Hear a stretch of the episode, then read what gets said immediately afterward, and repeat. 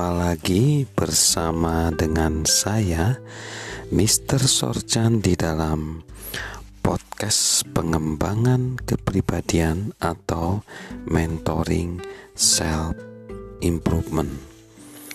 Pada saat ini kita akan mempelajari penghalang di dalam menemukan titik temu.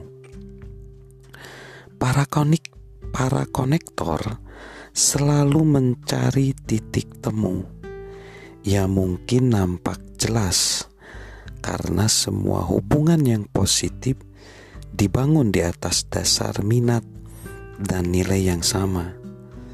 Mereka membangun kesepakatan, bukan ketidaksepakatan.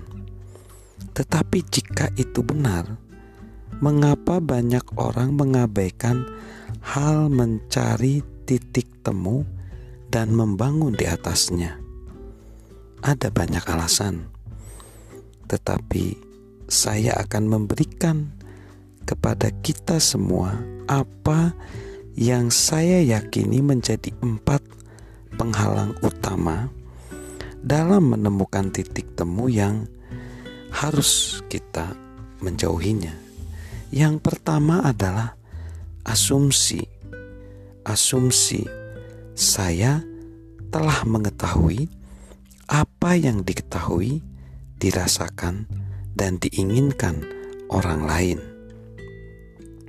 Jerry Ballard berkata, "Semua kesalahpahaman adalah akibat dari perbedaan asumsi." Bukankah demikian? Terkadang akibatnya tragis Seringkali itu bisa jadi lucu, seperti kasus seorang wisatawan yang sedang menunggu penerbangan di bandara. Wanita itu pergi ke sebuah ruang tunggu dan membeli sebungkus kue kecil dan kemudian duduk untuk membaca koran.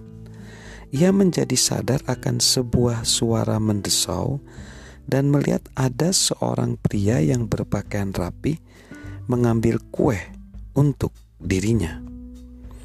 Ia tidak ingin terlihat sedang mengamatinya, sehingga ia berpaling dan makan kue itu, berharap pria itu akan menerima pesan itu. Sementara waktu berlalu, ia berpikir bahwa ia berhasil tetapi kemudian ia mendengar suara desau itu lagi. Ia tidak dapat mempercayainya. Ia kembali memakan kue itu lagi. Hanya tertinggal satu kue yang tersisa. Sementara ia memandang tidak percaya, pria tersebut membagi kue itu menjadi dua, mendorong yang separuhnya ke arah wanita itu. Sementara memasukkan sepor, separuh lainnya ke mulutnya dan pergi. Wisatawan itu marah. Beberapa waktu kemudian, saat penerbangannya diumumkan, saat ia membuka tas untuk mengambil tiketnya, bayangkan betapa terkejutnya dan malunya ia saat ia melihat dan menemukan bungkusan kue miliknya belum terbuka. Seperti wanita dalam kisah itu, bukankah kita mengasumsikan bahwa pria itu mengambil kue wanita itu? Itulah yang saya pikirkan saat pertama kali membaca kisah tersebut, dan itu menyatakan banyak hal tentang diri kita. Terlalu sering saya bersalah karena mengasumsikan sesuatu tentang orang lain. Saya telah sering kali membuat generalisasi-generalisasi saat saya seharusnya membuat pengamatan-pengamatan.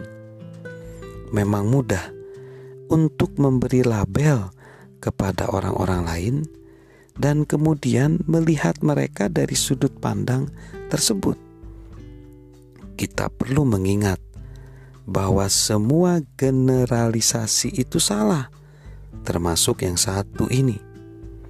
Begitu seseorang ditempatkan dengan rapih dalam sebuah kotak tertentu, semakin sulit bagi kita memikirkan sebagai suatu yang berbeda. Sebaliknya, kita perlu menjadi seperti seorang penjahit. Setiap kali ia melihat seorang pelanggan, ia mengukurnya kembali.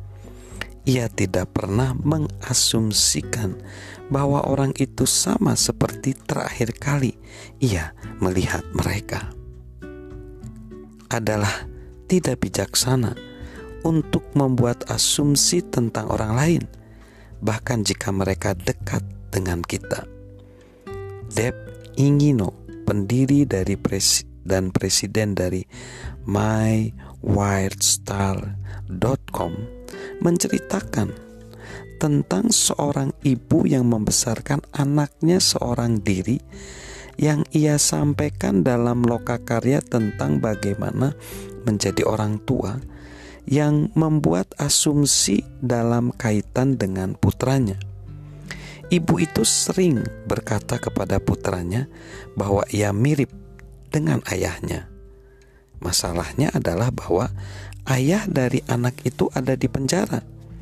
Dan ibu itu sering kali mengatakan hal-hal yang negatif tentang pria itu. Ia mengasumsikan bahwa putranya tahu bahwa ia mengasihinya dan bahwa ia sedang berbicara tentang ciri-ciri kepribadiannya. Tetapi komentar-komentarnya memberi dampak negatif untuk anak itu, sehingga ia mengubah interaksinya dan berusaha memperbaiki cara ia menjalin hubungannya. Sekarang, Deb berkata, ibu itu berusaha menemukan apa yang ia tahu ia memupuk kekuatan-kekuatannya, mendorongnya di bidang kekuatan-kekuatannya itu, dan melihat perkembangan yang luar biasa dalam perilakunya dan hubungan mereka.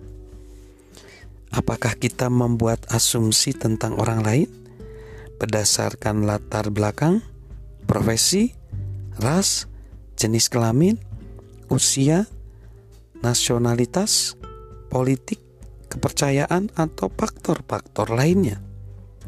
Setiap kali kita dengan cepat melakukannya, kita berhenti menaruh perhatian pada orang lain dan kehilangan petunjuk yang sesungguhnya yang akan menolong kita untuk menemukan dan mencapai titik temu dengan mereka.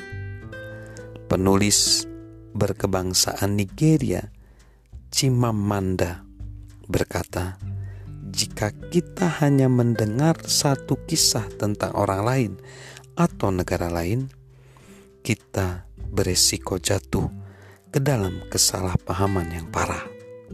Mengapa?